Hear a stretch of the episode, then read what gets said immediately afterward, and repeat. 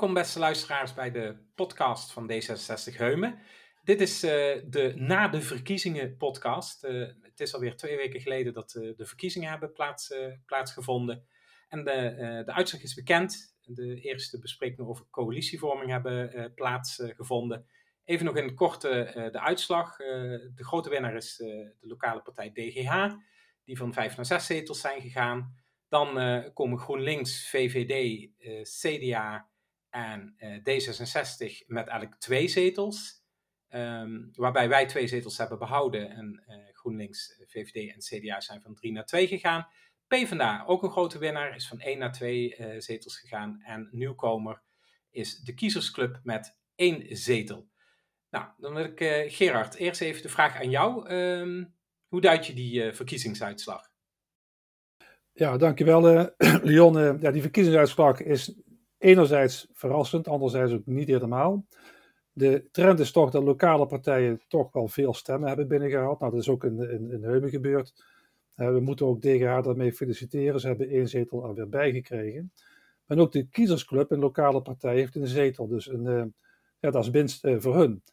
Er was ook een, een verwachting dat het met de landelijke partijen wat minder zou gaan. Is ook uitgekomen, behalve voor ons als D66. Nou, dat is een goede ontwikkeling. Natuurlijk hadden we gehoopt op uh, nog een zetel extra. Uh, maar ik denk dat we ook heel blij mogen zijn met het resultaat dat we nu hebben behaald. Als je het vergelijkt met de andere grote politieke partijen, landelijke partijen. Uh, Partij van de Arbeid winst geboekt. nou, dat is prima ook voor hun. Dat, dat is zeker winst voor hun.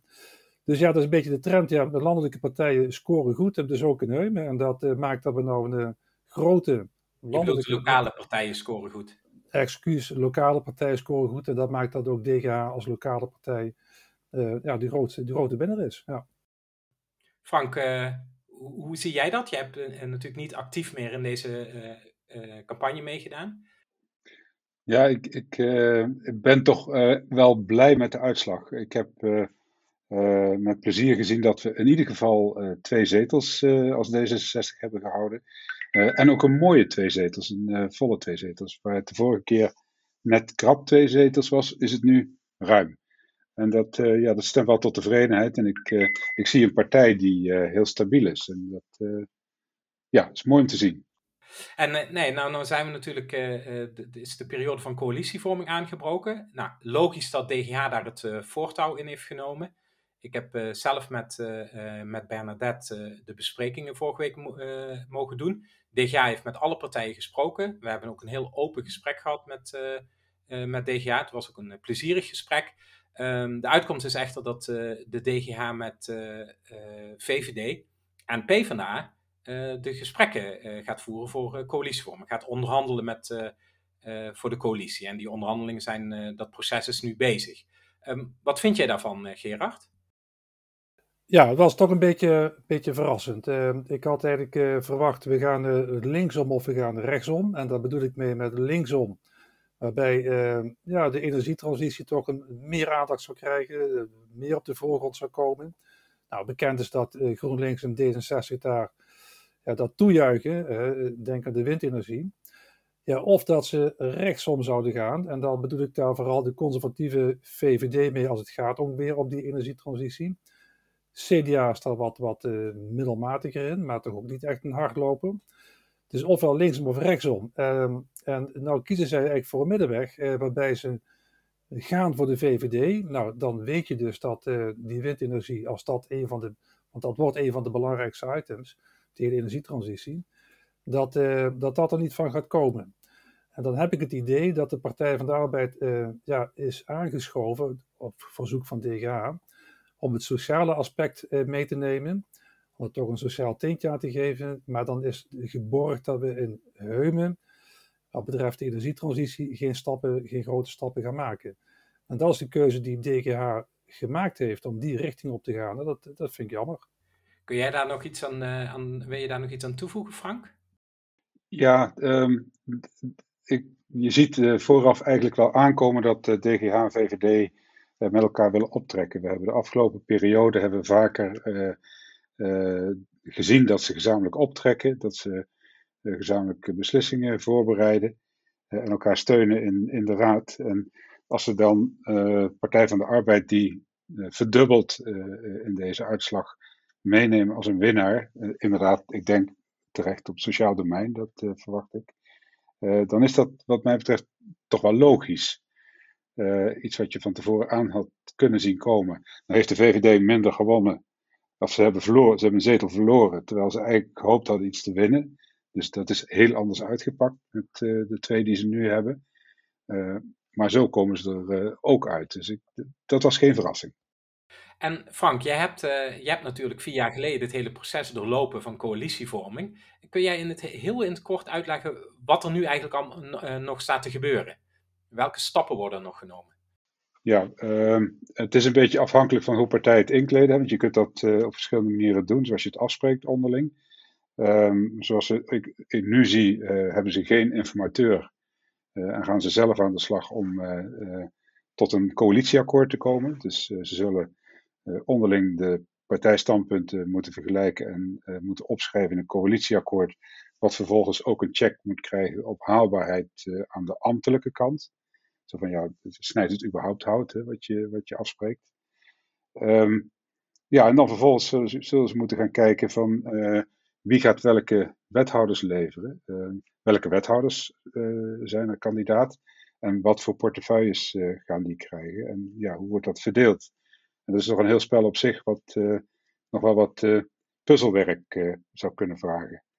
Tenzij ze daar heel gemakkelijk in doen en zeggen van elke partij één, drie wethouders, wij dit, wij dit, wij dat. En dan kun je er natuurlijk ook eh, vrij snel uit zijn. Dus, maar dat gaan we zien, hoe snel dat gaat.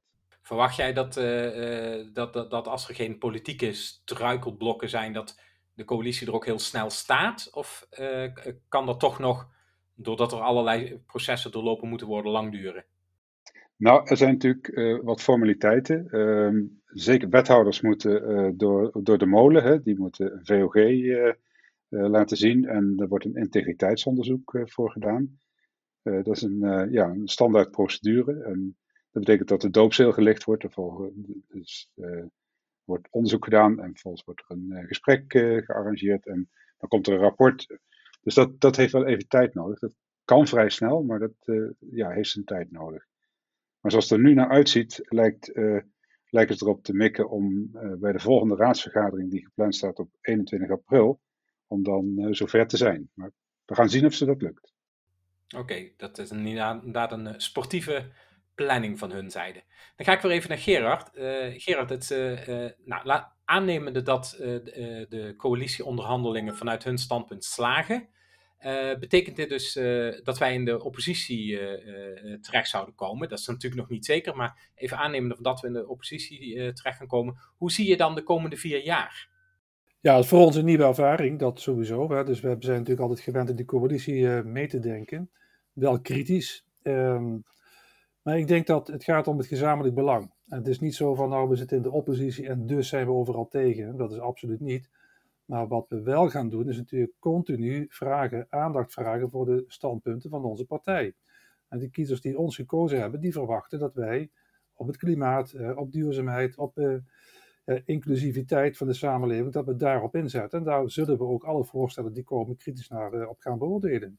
Niet anders dan in de coalitie en ook in de oppositie. Maar het zal anders zijn, dat klopt. Zoals ik jou uh, beluister, een constructieve maar kritische oppositie wil je gaan voeren, samen met Bernadette. Ja, DGA heeft gezegd, nou, we willen niet dat de oppositie als een, ja, als een tweede wagen, of we zeggen derde wiel erbij hangt. Ja, dat, dat, dat moeten we gaan bekijken. Ik bedoel, hoe serieus nemen zij onze kritieke feedback? Ja, weet ik nog niet. Zullen we zien. Maar uh, ik hoop dat we daar uh, met, met z'n allen. Uh, en ik heb ook het idee dat we dat ook de afgelopen vier jaar ook gedaan hebben met DGA, toen zij in de oppositie zaten. Maar ik hoop dat we met z'n allen als raad het beste doen voor de gemeenschap. En daar zitten natuurlijk wel accentverschillen. Daar kunnen we niet omheen. Dat Lijkt mij ook. Uh, als, maar goed ook dat er die accentverschillen zijn, want anders uh, hadden we niet meerdere politieke partijen nodig. Um, nou, ik denk dat uh, binnenkort zal er dus, over een aantal weken, zal er een akkoord liggen als, als de gesprekken slagen. En dan, dat zullen wij natuurlijk op zijn merites beoordelen.